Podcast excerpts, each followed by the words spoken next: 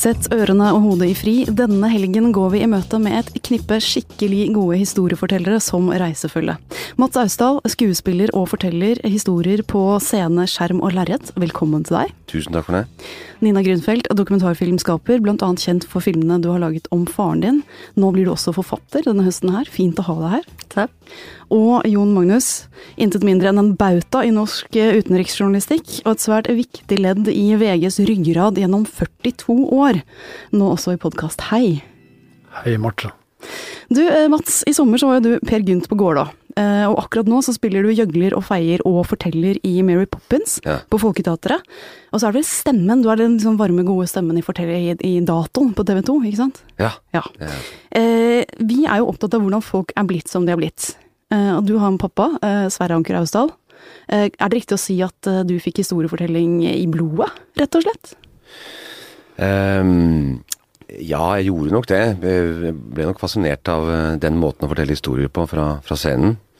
Men jeg gikk også veldig fort lei, da, i og med at jeg så jo disse og hørte disse historiene på nytt og på nytt og på nytt, i og med at vi ikke hadde barnevakt. Så, jeg- så jeg vet ikke hva For du var var- med pappa i sa- satt og så på han? Jeg satt ved siden av suffløren veldig ofte, og så- og så på Nettopp. forestillingen. Der lå han i en seng i et stykke som het Er det ikke mitt liv, kanskje, en gang, og var lam. Oi. Og, eh, og det var mye preik. Eh, og da var jeg ikke gamle gutten, så etter hvert så begynte jeg liksom å kaste det ene benet oppe på den kanten rundt scenen på Nationaltheatret, ned til orkestergraven der. Litt sånn ah, Pappa Og så ser han selvfølgelig ned på høyre side at jeg er på vei opp på scenen. Og hadde han vært i en slags uh, gjøglerforestilling, så kunne man bare løftet meg ut. Men han, jeg kom nærmere og nærmere og nærmere. Så jeg måtte få en av sykepleierne til å liksom spille at jeg måtte bare løftes ut av scenen. Åh. Så, um, Så du ble kastet ut av teatret? jeg ble kastet inn og ut av teatret. Ja da. Nei, jeg har nok eh, Jeg har hatt en bestefar som har vært en veldig god historieforteller. Mm. Eh, han er nok der jeg har blitt fascinert av det. Det var det som var godnatthistoriene på sengekanten. Ja, og en bestemor som eh, fortalte religiøs historie. Vi var en religiøs, veldig religiøs familie på Åh, Så nettopp. kanskje det. Men en periode så var det møbelsnekker du skulle bli, det var slett ikke skuespiller. Eh, En periode var det at jeg skulle bli noe annet enn min far, tror jeg var første pri. Og det kunne nesten være hva faen som helst, men eh, det måtte være noe annet enn det han drev på, Ja. drev på med. Så, så marinbiolog biolog var også noe greier jeg holdt på med en stund.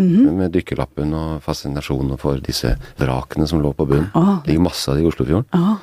Eh, og så var det da møbelsnekker, for det kunne jeg litt grann fra før av. Men det ble slått hardt ned på veldig fort. Hva syns pappa om disse planene her, da? Var det greit? Eh, ja, for så vidt. Men eh, det var vel et slags ønske om å rette opp igjen det han ikke fikk til. Sånn som vi pleier å Det er vel livsløgnen, som vi kaller det. Eh, så han eh, var veldig raskt ute med en artikkel i Aftenposten hvor det sto at snekkere får ikke jobb. Det var så å si samme dagen jeg hadde bestemt meg for å bli snekker. Ja, da kom han og la den på bordet foran Bare deg. for å ta liksom vekk den illusjonen om at det er en lett vei å gå. Mm. Og så var det skolerevy og sånne ting, og da var veien enkel. Mm. Eller enkel var den ikke, men det var, valget var lett. Ja. ja. Du spiller jo andres historier. Du forteller andres, andre menneskers historier, skrevet av andre, handler om andre når du står på scenen. Er det noen typer av roller eller historier som du liker spesielt godt å formidle? Eh, jeg har jo fått Jeg er jo liksom prisgitt til hva folk syns jeg kan gjøre og ikke gjøre. Så jeg har fått eh, grensepsykotiske eh, roller de siste ti årene. Jeg vet ikke om det har en slags sammenheng, men, men det er klart eh, altså, Jo dypere man kan dykke ned i et menneskesinn, jo mer interessant syns jeg det er. Altså, klart, når, det er når det ligger utrolig mye eh, researchstoff der, så er det fryktelig gøy å gå inn og, og lese om disse karakterene. Sånn som ja, eh, Ivan i, eh, i 'Brødrene Karamazov' og sånt. Det er klart Der ligger jo en baut av en bok i, i bunn. eh, Og mye historikk rundt disse menneskene. Så det er klart det er det er jo veldig gøy. Og også, kanskje også at de er litt dysfunksjonelle. At de har en eller annen brist et eller annet sted, og hvorfor gikk det som det gikk. Så det er mye psykologi i dette. her, Men det syns jeg er ganske fascinerende. Altså. Så jo mer grums og jo mer Jo mer trøbbel, grums, ja. jo bedre er det å spille Det Det er jo det vi driver med. Det er jo dramatikk. Det er ingen som lager stykker om sånn hyggelige, morsomme sånne koselige middagsselskaper på scenen. Ingen som orker å se på det en halvannen time. Du må jo ha konflikt, og du må jo ha disse grunnelementene. Ja, Man kunne tenke seg at liksom de virile førsteelskerne er mest stas å spille.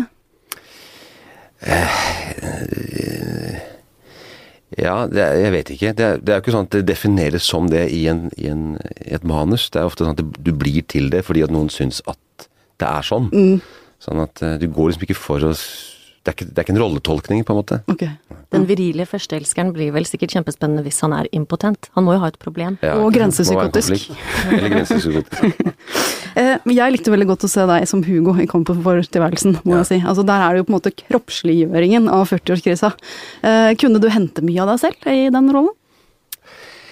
Det er klart at en eh, Jeg skal ikke ta til orde for alle med 40-årskrise, men en plan B har vi vel alle et eller annet sted begravd i oss. Eh, som han her prøver å sette til livs, da. Ja, for han ville bare stikke av fra alt. Ja, han hadde Ja, han han, triv, eller han hadde gitt opp i den tilværelsen han var i. Mens, eh, mens plan B var liksom å, å bryte ut og, og se verden eh, med andre øyne. Men det er klart, når du har en eh, Når du har en eh, rikdom som å sitte på, som du kan gjøre hva du vil med, så er det klart det er Men samvittigheten hans, ha, samvittigheten hans er vel ikke helt på plass.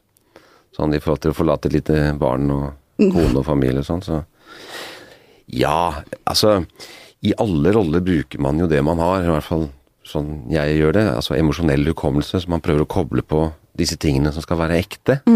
Så er man nødt til å hente frem eh, ting fra, fra eget liv. Eh, så, så man kjenner seg jo igjen i det. Og det var jo en mann som er på min alder og, og lever et ganske sånn normalt liv, men vil gjerne ut av det. Men jeg, i motsetning til meg, jeg er jo fryktelig glad i normal, det normale livet, fordi jeg har så utrolig odde arbeidstider og rare arbeidsoppgaver. Og, så jeg elsker jo det, det normale. Så kanskje jeg er litt sånn motsatt.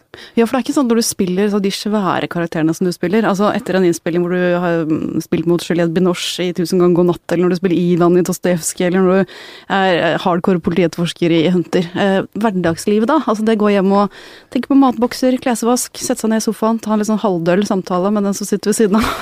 kan, kan det blekne litt? Nei, tvert imot. Det gir liksom en slags mening Ja. for meg. Så deilig. Mm, det gjør det, altså. Eh, Men nå med Mary Poppins på Folketeatret. Mm. altså det er jo en historie som er skrevet i 1934. Men historien, altså det er jo om en striks britisk familie som får bryne seg på en veldig positiv guvernante. Det kan jo liksom virke litt støvete. Hva er det med den historien som gjør at den funker, tror du? Eh, ja um, Den har jo en uh, eh, Altså igjen, den omhandler jo et konfliktfylt hjem. Altså Det er noe som må rettes opp i, det er en feil som, som noen må finne ut av. Og, man, og sånn er det jo i alle historier, at, eh, at man presenterer en, en problemstilling, og så kommer det noen og prøver å rette opp i den. Om den er eksistensiell, eller om den, den har noe med verdier å gjøre, eller den har noe med folkene der å gjøre. Det varierer jo. Men jeg tror at Jeg skjønte jo at denne historien har en enorm appell, først og fremst i Storbritannia, når vi begynte på dette stoffet. Helt enormt. Det er jo, det er jo som Det er jo Kardemommeby, holdt jeg på å si. Det er jo egne for oss. Og vel så det. Um, og så har den den derre litt um, At hun kommer inn og bryter opp i et ganske typisk uh, arkaisk britisk hjem. Jeg tror nok den der, det klasseskillet og den, disse er mye større i eller i hvert fall på den tida i England enn det var her.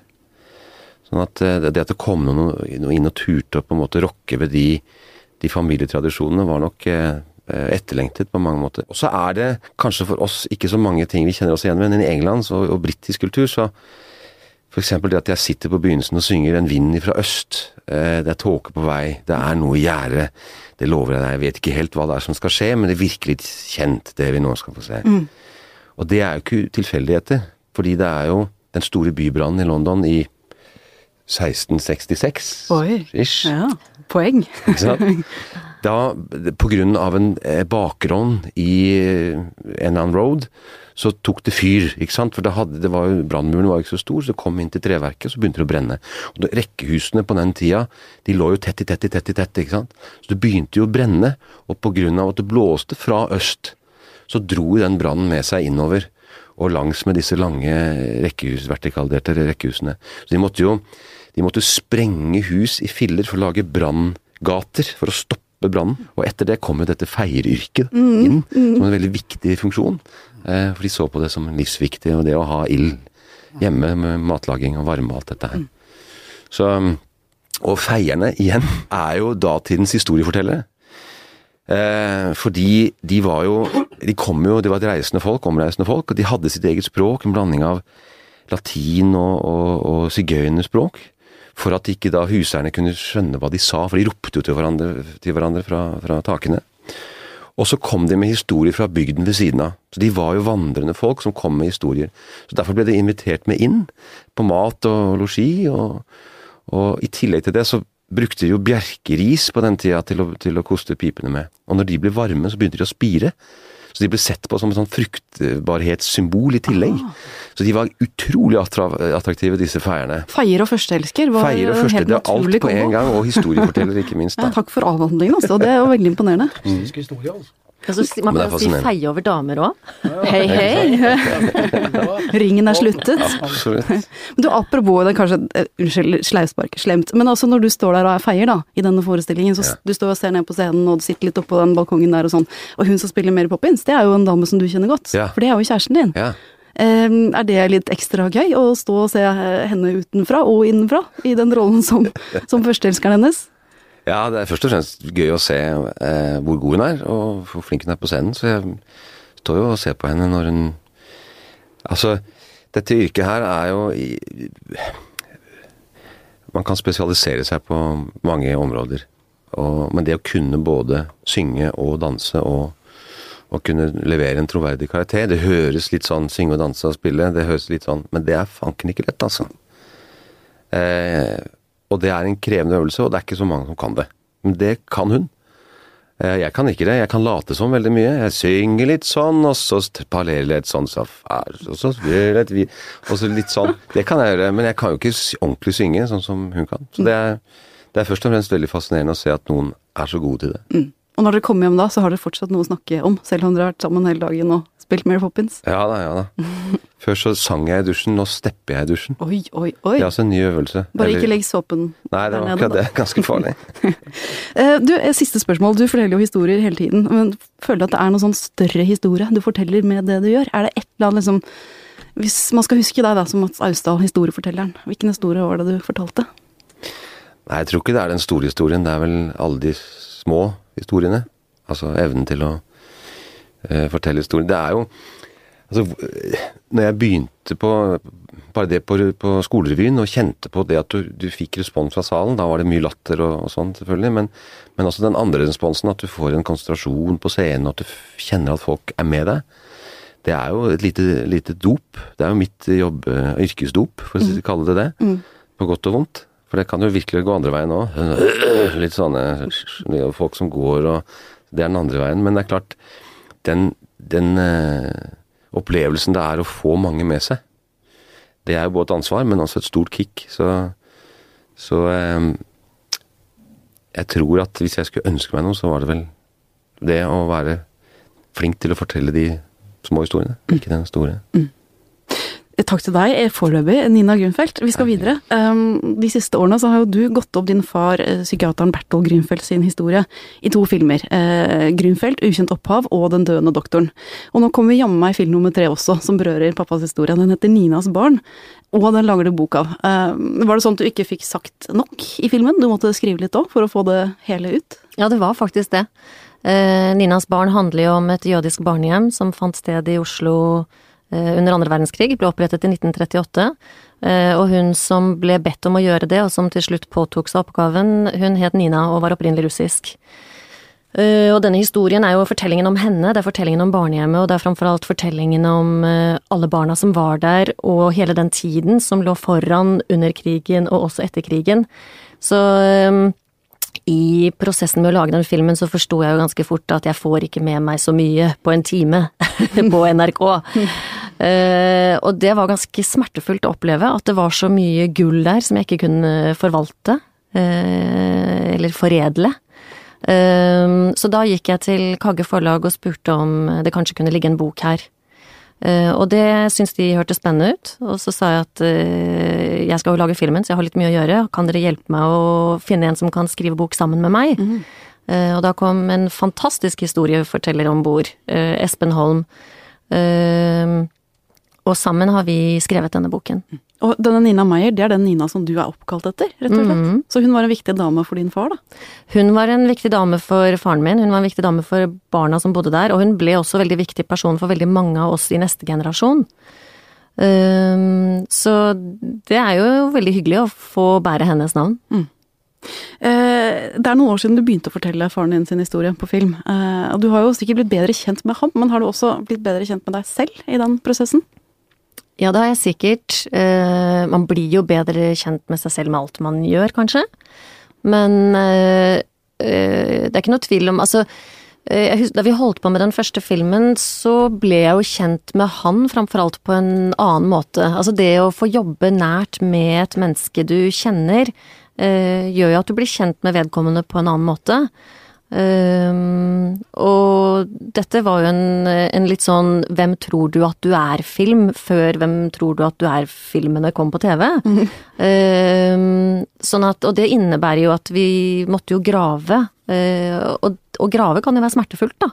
Det var mye av dette han egentlig ikke var så interessert i å lete etter. Så for eksempel. Altså, han hadde jo alltid en, hatt en slags forutdannelse om sin mors skjebne, blant annet. Eh, men i denne filmen hvor vi reiser tilbake til Bratislava, som nå er eh, hovedstaden i Slovakia, tidligere Tsjekkoslovakia, eh, så fikk vi jo da i arkivene bekreftet at hun hadde vært prostituert, og vi fant jo masse rettsdokumenter. Altså, du vet, vi fant altså så mye materiale som er liksom enhver historikers våte drøm. Eh, som jo sa alt om tidskoloritten, uh, hennes skjebne osv. osv. Og mye av den informasjonen som var der, var jo smertefull for han. Men han klarte jo på en eller annen måte først så Og han snakket mye om det selv, og at han skammet seg, og han på et eller annet tidspunkt så, så klarte han likevel liksom å snu dette her og gjøre henne til en kvinne han kunne bli stolt av, fordi hun på et tidspunkt opponerte mot uh, den fascistiske, det fascistiske regimet som var på den tiden.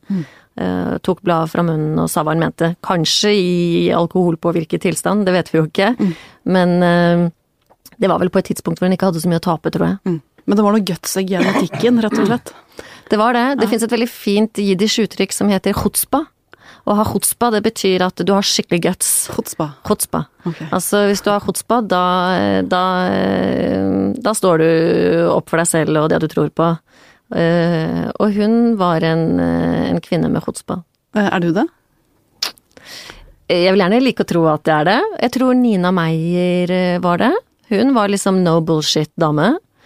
Ehm, ja, ja, kanskje. Kanskje jeg er i ferd med å bli det.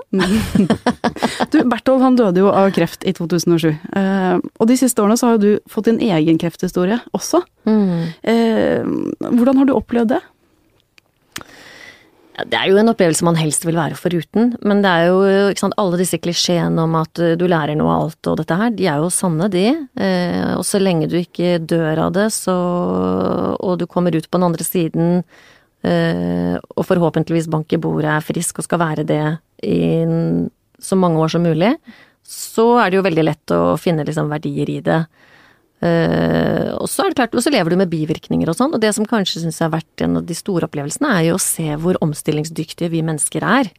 Altså hva vi venner oss til på en eller annen måte. Og så blir det liksom en del av det nye livet ditt, og jeg tror at eh, om det er sykdom, eller om det handler om at jeg er en kvinne som snart nærmer meg 50, altså det at du innser ok, nå er jeg her, og at det, det kommer aldri til å bli det det var, fordi det, det som var er tilbakelagt. Eh, Det er en erfaring som er blitt veldig tydelig for meg. Da jeg var yngre, så tror jeg liksom jeg tenkte at ja, ja, men det går seg til, og så blir det sånn som det var igjen, liksom. Men det gjør det jo ikke. Det blir noe annet, det blir noe nytt. Og det er jo egentlig veldig fint, da. For du har jo sånn fredagsportrett i VG denne uka her, og da forteller du at du har fjernet begge brystene og fått nye. Eh, Var det litt å miste sin egen identitet og seg selv, eller omstiller man seg i forhold til det òg? Ja, altså jeg vet jo ikke hvordan det er for andre, men for meg så Jeg så nettopp et program på TV som handlet om den store kreftsykdommen og hvordan dette med for kvinner å miste brystet liksom var som å bli kastrert og sånn, og det er det sikkert for noen, men for meg var det ikke det. For meg handler det om at jeg har på en måte forsikret meg om at jeg ikke skal få kreft i det andre brystet. Eh, Så jeg føler meg tryggere eh, og roligere ved å ha tatt det valget og gjennomført det. Eh, og så er det jo litt sånn at når du går gjennom masse operasjoner og sånn, så blir ting litt skjevt og rart. Og jeg syns det er utrolig morsomt med denne kosmetiske kirurgen min som er så veldig feinschmecker og har så stor yrkesintegritet. Så han nekter da å gjennomføre dette her med at jeg skal få liksom disse siste brystvortene. Nå blir dere invitert skikkelig inn i privaten her. Før liksom alt er i vater.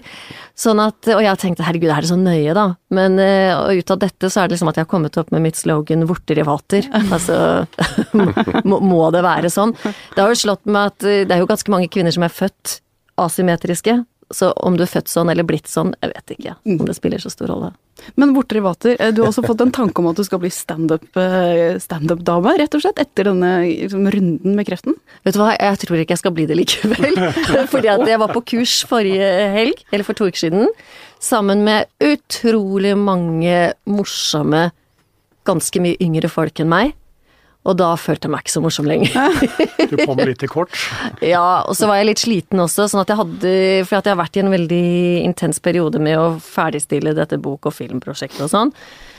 Men eh, Så jeg vet ikke. Jeg Hva slags kurs var dette? Du, dette her er altså et stå-opp-kurs, eller Komiker reis deg, eller noe sånt, tror jeg det heter. Ja. Det er en del av disse folka bak nedpå Latter og sånn som da tilbyr kurs til alt fra folk som egentlig bare vil lære å ta ord i en forsamling, til folk som drømmer om å bli store standup-komikere. Du hadde en sånn liten drøm om det, da, i morgen? Jeg har alltid hatt det, ja. og jeg har den litt der enda òg. Ja. Eh, men greia er at du vet, når du sier det til folk, så sier sånn, da sier alle sånn 'Å, så kult, kan du ikke være litt morsom?' Nei, det går ikke. Du, ikke sant? Du, det vet jo Mats alt om. Du må være veldig godt forberedt. Du, ekstremt vanskelig. Ekstremt vanskelig. Ja. Er humor kanskje den vanskeligste sjangeren, eller? Ja, fordi responsen er så tydelig. Den er jo helt umiddelbar. Altså Enten så ler de, eller så ler de ikke.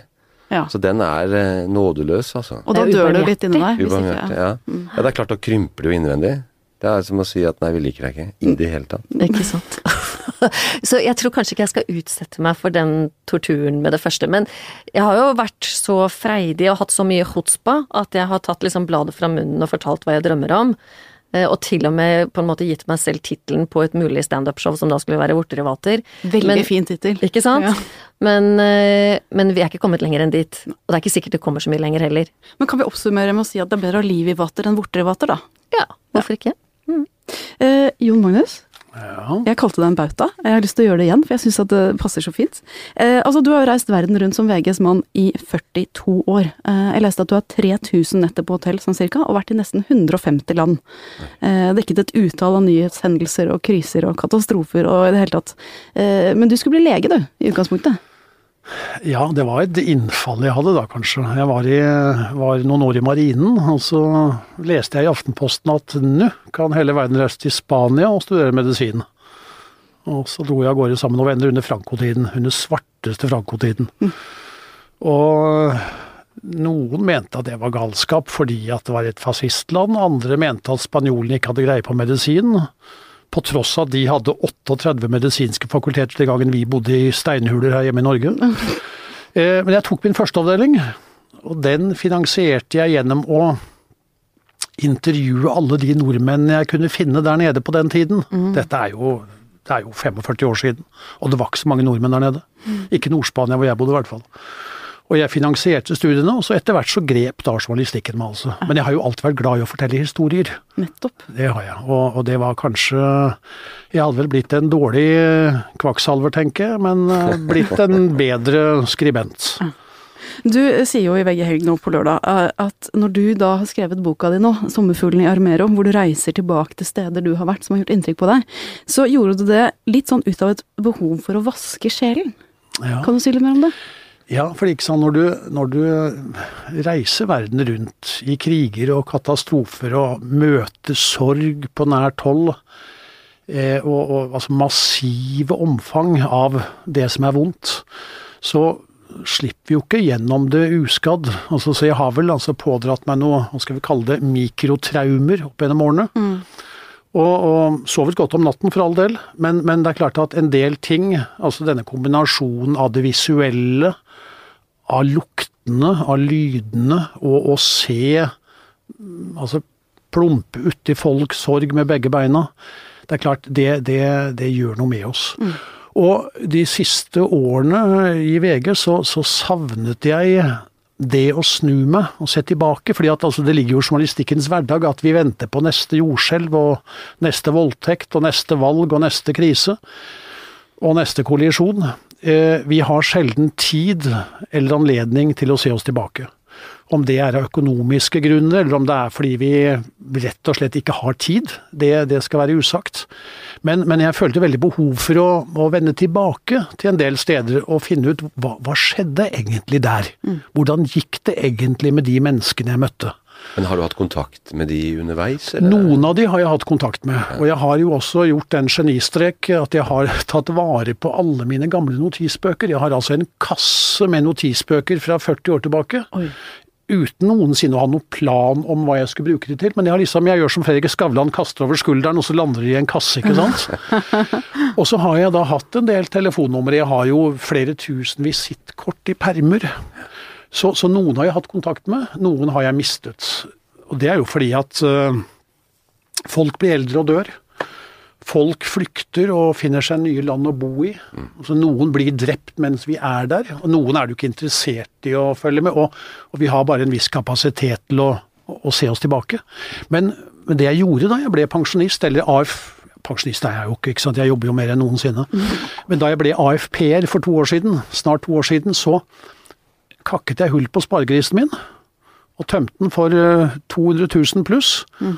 Og så reiste jeg ut i verden bodde på de samme hotellene, satt på de samme balkongene, spaserte på de samme veiene, lette opp mennesker i min fortid. Og så at livet går videre. Mm. Og det, det, gjenspeiler seg jo i en del av disse historiene jeg har mellom, mellom to permer nå. At, altså, dette er jo en bok om både triste og tragiske hendelser, men det er også litt muntre, muntre ting der. Og så ser jeg altså at eh, det jeg har gått og tenkt på i alle år, det, det, det ordner seg på en måte. Mm. De fleste har klart seg, selv om de har mista syv barn og hele bølingen, så lever de altså faktisk videre. Mm. Med sin sorg og med sin smerte, men det er noe som, som du også nevnte, Nina, det er noe i oss. Når, når noe rammer oss, så er vi utrolig sterke og tilpasningsdyktige, altså. Mm. Men du, det der med at når noe rammer eh, Når jeg tenker på deg, så tenker jeg på en person som når noe eksploderer, så er Jon her. Han er en person som løper mot der det eksploderer. Alle andre løper fra, ikke sant. Han løper mot eh, for å finne ut hva er som har skjedd, og fortelle oss om det etterpå. Eh, hva, altså, er du veldig god til å skjule frykten din, eller er du ikke redd? Nei, jeg er jo redd. Det er klart, altså. De som sier at de ikke er redde, de lyver. Frykt er en veldig ålreit ting, det, fordi det, det, skjerper oss. Men når det smeller, ja da har det jo allerede smelt. Da kan man jo løpe bort. Eh, for, å, altså for, å, si det litt skjevt. Men, men, det er klart at vi, og da snakker jeg ikke om meg, jeg snakker om alle mine utmerkede kolleger som, som fortsatt jobber i radio, TV og, og våre aviser som, som, dekker krisene og krigene nå. Altså Det er klart de er, de er redde de også, men vi, vi, må jo etter fattig evne prøve å være til stede for å fortelle om det som skjer.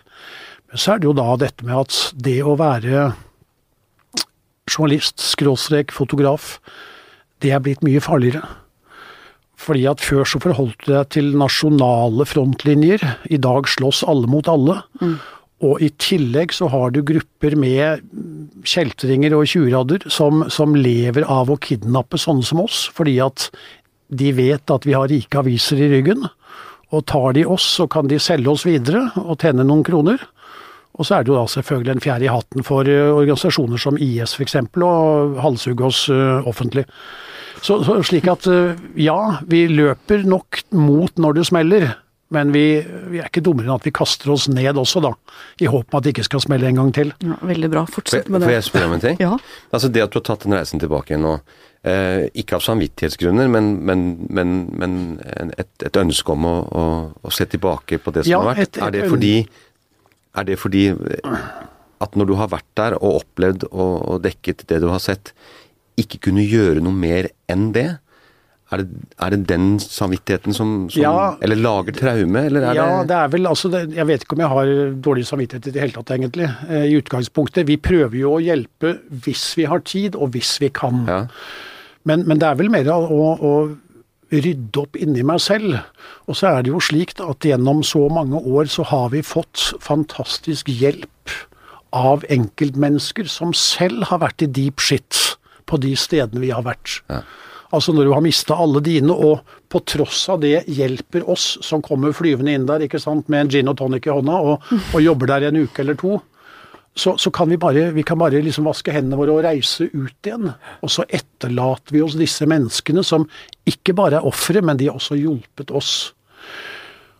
Så jeg har hatt et ønske om å, å vende tilbake, både for å se at de faktisk lever, eller at i hvert fall konkludere med et eller annet, pluss å si hei og takk til noen som jeg, som jeg vet var verdifulle i min gjerning som, som skribent i VG. Det er jo veldig interessant, tenker jeg, med Det høres- ut for meg som at det er en slags nesten en debrief, det du holder på Ja, med. det er akkurat det det er, egentlig. Det er er en form for debrief. Og vi, i den boken vi har skrevet, så skriver vi en del om at skriving er en helende prosess. Eh, og ikke bare for, eh, for dem som var til, til stede i historien vi beskriver, men også for oss selv, fordi historier på mange måter går i arv. Du spurte jo Mats her i sted om hans historiefortelling i forhold til faren hans. Um, og jeg tror jo veldig på Vi er, vi er jo vi, vi, Altså, vi er de historiene vi på en måte har blitt formidlet eller eksponert for. Og så kan vi også påvirke vår egen, uh, vår egen identitet og vår egen uh, posisjon i livene våre ved å, å faktisk formulere dem. Mm. Det er veldig riktig, Nina, fordi at jeg skrev jo en bok for en del år siden som het Veien til Karlsvogna, som omhandlet min kones brystkreft og død.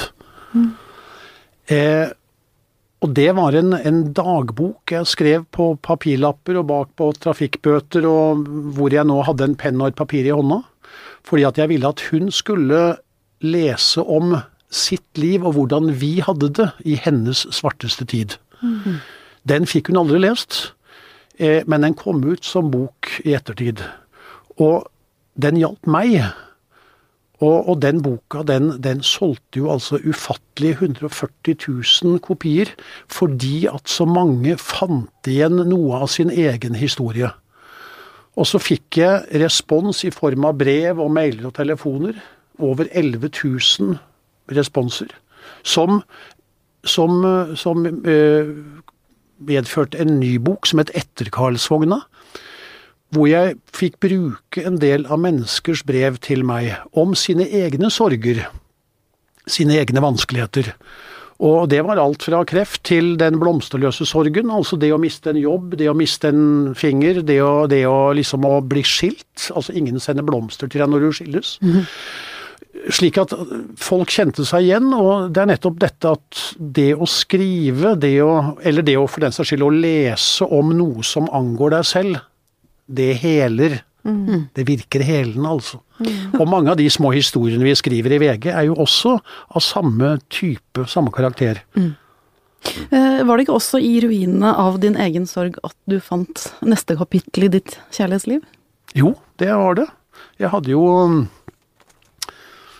Jeg satt eh, kort, bare en uke før min kone døde, min første kone, får jeg vel si. Så, så kom en sykepleier inn på rommet på onkologen på Ullevål og sa det ligger en kollega av deg på rommet ved siden av.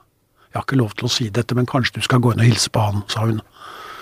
Og så stakk jeg inn, og så var det altså en kollega i NRK som lå der og var veldig syk. Og han hadde også en kone, eller rettere sagt en samboer. De to sendte et brev til meg da min første kone døde, og ønsket meg lykke til videre i livet. Og så så jeg altså seks måneder etterpå at han var død, min kollega var død. Og så fikk jeg en telefon etter et år med spørsmål hvordan er det med deg, Jon Magnus? Og så sier jeg nei, det er, det er jævla dårlig, sa jeg. For det var altså akkurat på årsdagen for dette dødsfallet mitt. Eh, men så ble dette en, en slags sånn eh, hyggelig historie, og så ble etter hvert så ble vi gode venner, og så ble vi kjærester, og så gifta vi oss til og med. Ja. Og nå er vi gift. Har vært gift. Vi gifta oss i Italia med 100 mennesker til stede for sju-åtte år siden. Å, så Så livet tikker videre, både for oss fire som sitter her, og for alle de andre ute i den store verden. Er det det som er din store historie? Vi tåler det troligste? Ja, det er nok det, altså. Og det, den, den, eh, Det å Altså, alle gode historier omhandler små mennesker. Altså, jeg har møtt konger og keisere og skuespillere og sportsstjerner hele mitt liv, men det er ingen som har gjort så dypt inntrykk på meg som små menneskers gode historier. Og alle vakre historier, de, de strømmer jo opp gjennom sorg og, fornedrelse og mot og egenstyrke. Jeg tenker på den, f.eks. tittelen på den første boka, 'Veien til Karlsvogn', hvor jeg, jeg, reiste jo, hadde jo kona mi mye med meg, og, og, og vi, jeg pleide alltid å peke på Karlsvogna og si at der er Karlsvogna, og der er det nord, ikke sant. Og det siste hun sa før hun døde, var jo at når jeg dør, så skal jeg sette meg i Karlsvogna, mm. for da vet jeg at du alltid får øye på meg. Mm. Så, så, så, altså Vakre historier kommer ofte fra skjebnetunge og vanskelige og vonde øyeblikk. Og det kan du se enten du er i jordskjelv, eller du er i krig og krise, eller hverdagsliv på Vestlandet for den saks skyld. Disse vakre historiene, fortellingene. Eh, vi, skal, vi nærmer oss slutten nå. Eh, jeg hadde lyst til å spørre dere alle helt avslutningsvis. Hvilke historier skal vi fortelle hverandre denne helgen? Hvem skal vi fortelle dem til, og hva skal vi? Nei, men jeg, jeg vet hva jeg skal fortelle. Ja, du gjør det? Ja. Fordi at eh, altså, i, en, i, en, tid hvor det er så mye vondt og leit altså Vi leser om flyktninger som drukner i Middelhavet, og vi leser om uh, ufred mellom øst og vest osv. Så, videre, så er det veldig viktig å fortelle hverandre, altså det være seg ektefeller eller barn eller venner eller naboer, hvor, hvor jævla godt vi har det i dette landet vårt. Vi syter og vi klager, og det er altså Nå har vi akkurat tatt et valg bak oss. Vi klager så fælt, og så har vi altså midt oppi alt dette vonde, så har vi det veldig, veldig godt i dette landet vårt. Du er jo ekspo, en eksponent på det, Nina. Altså du, du kom deg gjennom et altså helsevesenet vårt som får kjeft hver dag. Sikkert mye å skjelle ut der, men altså, vi har det så godt. Vi er så privilegerte. Mm. Det skal vi fortelle hverandre, altså, denne helgen. Da får jeg lyst til egentlig å ta den ballen og si nettopp uh, helsevesenet, fordi at uh, når man har hatt nærkontakt med helsevesenet, så er det klart at det er alltid noe å irritere seg over. Yes. Men fy søren så mange bra folk det er der. Nemlig. Eh, sånn at vi kan godt fortelle hverandre gode helsehistorier. Mm. Vi har sikkert noen på lager alle sammen. Det har vi. Eh, så det er min oppfordring. Fortell hverandre en god, god, personlig helsehistorie. Vi har det godt. Vi har gode helsehistorier å fortelle. Vil du tilføye noe, Mats? Ja, da vil jeg sitere min datter. Og det er eh, Jeg er veldig glad i deg, pappa. Åh, det er fint. Så da tror jeg det er eh, like så viktig å si av og til. Ja. Takk til dere alle for deres chutzpah, som jeg syns alle har utvist her i dag. Takk til produsent Magne Antonsen. Vi høres igjen neste uke.